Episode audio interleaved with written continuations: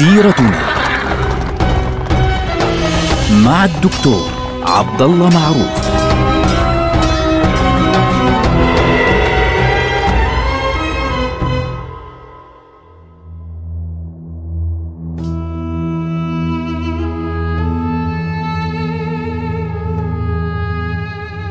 السلام عليكم ورحمة الله وبركاته. سيرتنا سيرة هذه الأمة التي بدأناها مع سيرة سيد الخلق سيدنا محمد صلى الله عليه وسلم.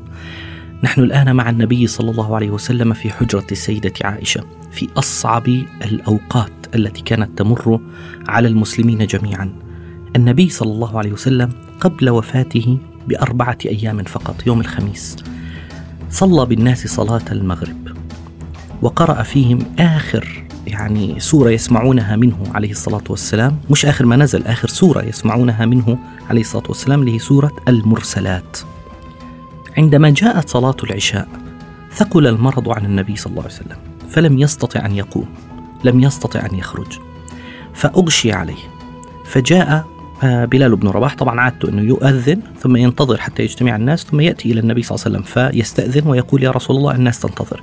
فهكذا جاء بلال فالنبي صلى الله عليه وسلم أراد أن يقوم فأغشي عليه صلى الله عليه وسلم. فبلال بن رباح يعني بقي ينتظر. أفاق النبي صلى الله عليه وسلم بعد قليل وقال أصلى الناس. قالوا ينتظرونك يا رسول الله. فالمرة الثانية أراد أن يقوم فأغشي عليه. في المرة الثالثة نفس الشيء أصلى, أصلى الناس. قالوا ينتظرونك. في المرة الثالثة لما أغشي عليه استيقظ فقال أصلى الناس.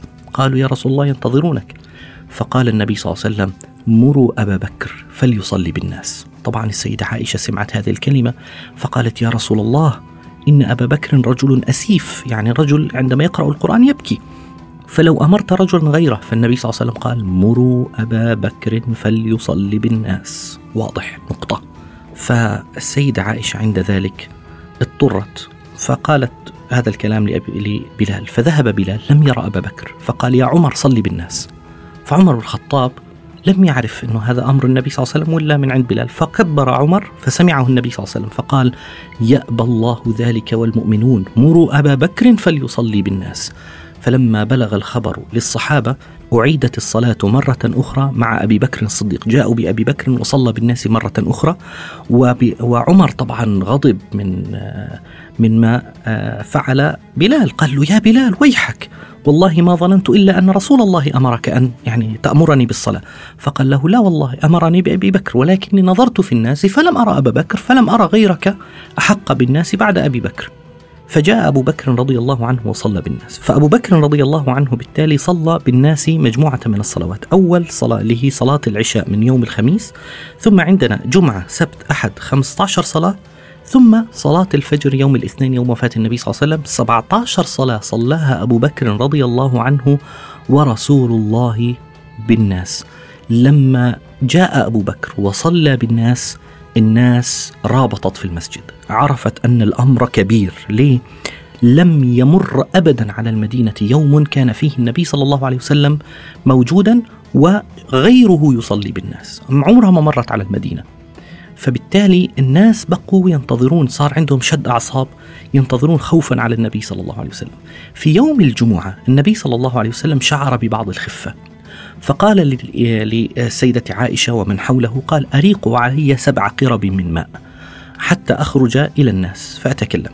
فأراقوا عليه بعض الماء يعني جابوا سبع قرب يعني سبع زي سطولة مية يعني هيك ورشوها على على النبي صلى الله عليه وسلم فاستيقظ النبي صلى الله عليه وسلم وشعر بخفة وقال يعني خلص فقام النبي صلى الله عليه وسلم ليتحرك وبدأ يتحرك وأبو بكر يصلي بالناس. فلما رأى الناس النبي صلى الله عليه وسلم يبدأ يتحرك من أمام الصفوف باتجاه أبي بكر صاروا يسبحون يعني يا أبا بكر كأنه بيعطوه إشارة. فأبو بكر كأنه انتبه أنه على جنب النبي صلى الله عليه وسلم قادم. فتأخر أبو بكر فقدمه النبي صلى الله عليه وسلم أنه ابقى كما أنت. وأجلس النبي صلى الله عليه وسلم إلى جانب أبي بكر رضي الله عنه فصار أبو بكر شوف أدب أبو بكر الصديق يأتم برسول الله وهو جالس النبي صلى الله عليه وسلم والناس تأتم بأبي بكر الصديق. فلما اكتملت الصلاة النبي صلى الله عليه وسلم حمل ووضع على منبره الشريف صلى الله عليه وسلم فجلس على المنبر وحمد الله ووحده وقال أشهد أن لا إله إلا الله وأن محمدا رسول الله. ثم قال لعن الله اليهود والنصارى اتخذوا قبور أنبيائهم مساجد، طبعا هو يلعن من اتخذ قبره مسجدا من هؤلاء من اليهود أو المسيحيين. من اتخذ قبر آه، نبي مسجدا. ثم قال لا تتخذوا قبري عيدا. ثم قال أيها الناس طبعا الناس ولا كلمة. هذه أول مرة يتكلم معهم النبي صلى الله عليه وسلم منذ زمن طويل جدا. يقول النبي صلى الله عليه وسلم أيها الناس أوصيكم بالأنصار. وأوصيكم بالنساء أوصيكم بالأنصار خيرا فإنهم كرشي وعيبتي وقد قضوا الذي عليهم وبقي الذي لهم. أيها الناس أوصيكم بالنساء خيرا. أيها الناس إن عبدا خيره الله بين أن يؤتيه من زهرة الدنيا وما فيها وبين ما عند الله فاختار ما عند الله.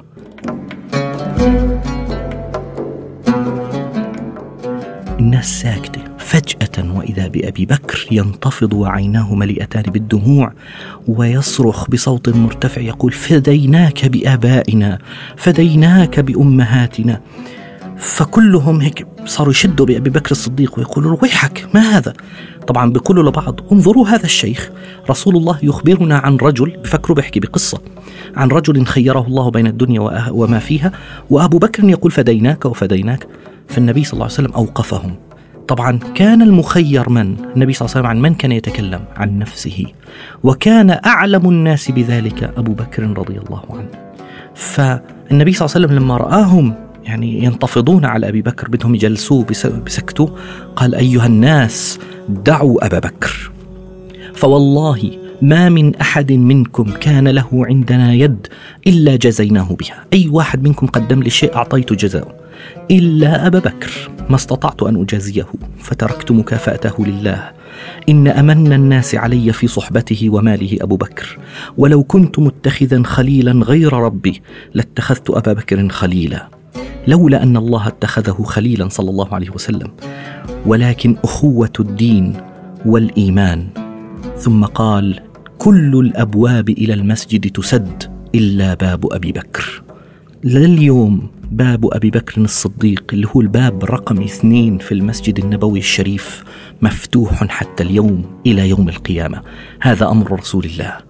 ثم بدأ النبي صلى الله عليه وسلم يدعو لهم يوصيهم بالصلاة ويوصيهم بأنفسهم ويوصيهم بالزكاة ثم دعا لهم. آخر ما سمعوه من رسول الله صلى الله عليه وسلم ثبتكم الله آواكم الله نصركم الله أيدكم الله جمعكم الله.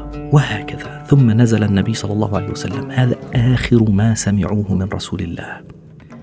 وبدأ النبي صلى الله عليه وسلم في بيته يوم السبت يزداد مرضه أكثر.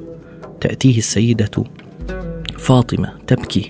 فالنبي صلى الله عليه وسلم يسارها بشيء فتبكي أكثر. إنه يعني ثم يسارها بشيء آخر يعني بيسر لها بشيء آخر فتبتسم. فلما سألتها السيدة عائشة بعد وفاة النبي صلى الله عليه وسلم قالت لها إنه أخبرها أنه ميت في هذا المرض. ثم في المرة الثانية أخبرها أنها ستكون أول أهل بيته لحاقا به فابتسمت. لاحظوا ابتسمت لأنها عرفت أنها ستموت قريبا. ليه؟ لأنها لم يبق لها أحد لا أمها. ولا أبوها ولا إخوتها ولا أخواتها كلهم لم يبق أحد. فالنبي صلى الله عليه وسلم بشرها بأنها ستلحق به وتكون أول أهل بيته لحاقا به. بقي النبي صلى الله عليه وسلم على ذلك حتى طلعت الشمس حتى كانت صلاة الفجر من يوم الاثنين. أثناء صلاة الفجر فوجئ الناس بالغطاء يتحرك. من بيت السيدة عائشة وظهر وجه النبي صلى الله عليه وسلم ينظر إليهم وهم يصلون خلف أبي بكر الصديق رضي الله عنه. ف ويبتسم ينظر إليهم وكان إذا ابتسم استنار وجهه كأنه قطعة قمر. فصاروا يسبحوا ظنوا أنه سيخرج. فأبو بكر أراد أن يتأخر وصاروا ينظرون إلى النبي صلى الله عليه وسلم فأشار لهم النبي صلى الله عليه وسلم بيده أن يستمروا في صلاتهم. ثم أرخى الستر. هذه آخر مرة يرون فيها وجه النبي صلى الله عليه وسلم. لاحظتوا كيف؟ ينظر إليهم مبتسما لأنه يرى نتيجة عمله صلى الله عليه وسلم. نتيجة 23 سنة من العمل والجهاد في سبيل الله. ها هم الآن يطمئن عليهم النبي صلى الله عليه وسلم. يقفون صفوفا متراصة خلف أبي بكر الصديق إمامهم القادم. و أرخى النبي صلى الله عليه وسلم الستر. فالصحابة ظنوا أن النبي صلى الله عليه وسلم خلاص قد برئ الحمد لله انتهى الأمر يعني. فأما العباس فقال لا الأمر مختلف. قال العباس لعلي بن أبي طالب رضي الله عنه أحلف بالله لقد رأيت الموت في وجه رسول الله كما رأيت الموت في وجوه بني عبد المطلب فإن يكن بك حاجة إلى رسول الله إلى شيء فاسأله الآن يعني بدك إياه يستخلفك بدك إياه يفعل كذا. فقال علي رضي الله عنه لا ابدا. يعني لا نريد شيئا. النبي صلى الله عليه وسلم لم يبعث ملكا أيها الناس وإنما بعث هاديا. حتى أبو بكر ظن أن النبي صلى الله عليه وسلم أصبح بخير الحمد لله. فلذلك خرج إلى بيته في السنح. السنح هذه منطقة قريبة من جبل آه، سلع في المدينة. في عنده كان هناك بيت. لكن عندما اشتدت الشمس ارتفعت الشمس تقريبا بنحكي حوالي الساعة عشرة إلى 11 تقريبا قبل الظهر النبي صلى الله عليه وسلم بدأ يدخل في مرحلة الاحتضار. فالسيدة عائشة تقول إن من نعم الله علي أن رسول الله مات في بيتي. وفي يومي كان المفروض أصلا لو أنه بقي يلف على نسائه أنه هذاك اليوم يكون إلها. ولم أظلم فيه أحدا. وكان آخر ما دخل فمه أن جمع الله بين ريقي وريقه ذلك أنها جلست يعني النبي صلى الله عليه وسلم جلس آه، ووضع رأسه الشريف على صدرها بين سحرها ونحرها ثم نظر دخل عبد الرحمن بن أبي بكر سأل السيدة عائشة هل تريدين شيئا يا أختاه؟ فقالت لا، فالنبي صلى الله عليه وسلم نظر وبيد عبد الرحمن سواك. فقالت له: أتريد السواك؟ فأشار بعينيه أن نعم. فأخذت السواك فوضعه النبي صلى الله عليه وسلم في فمه الشريف و كان استغلظ عليه لأنه ناشف. فقالت ألينه لك؟ فأشار لها بأن نعم. فأخذته فلينته له صلى الله عليه وسلم بريقها. فأخذه واستاك. تقول السيدة عائشة فاستاك كأحسن ما كان مستاكا ثم تركه. آخر شيء بقي النبي صلى الله عليه وسلم يريد أن يفعله أن يكون مستعدا للقاء ربه فينظف أسنانه يا جماعة. هذا أدب رسول الله صلى الله عليه وسلم. يستعد للقاء الله حتى بنظف أسنانه آخر شيء. ثم يضع السواك فتقول وضع السواك فنظرت إليه فإذا هو شاخص إلى السقف ينظر إلى الأعلى ويرفع يده. فسمعته يتمتم. فبدأ تسمع ماذا يقول النبي صلى الله عليه وسلم. وإذا به يقول بل الرفيق الأعلى. فعلمت تقول السيدة عائشة فعلمت أنه يخير لأنه أخبرها أن الملائكة ملك الموت لا يأتي للنبي ويقول له خلاص انتهى الأمر. يخيره بين الدنيا والآخرة. فتقول والله لا يختارنا. فقال النبي صلى الله عليه وسلم بل الرفيق الأعلى. اللهم الرفيق الأعلى. اللهم الرفيق الأعلى. ومالت يده الشريفة وفاضت روحه إلى بريها وتوفي رسول الله صلى الله عليه وسلم. نلقاكم على خير والسلام عليكم ورحمة الله وبركاته.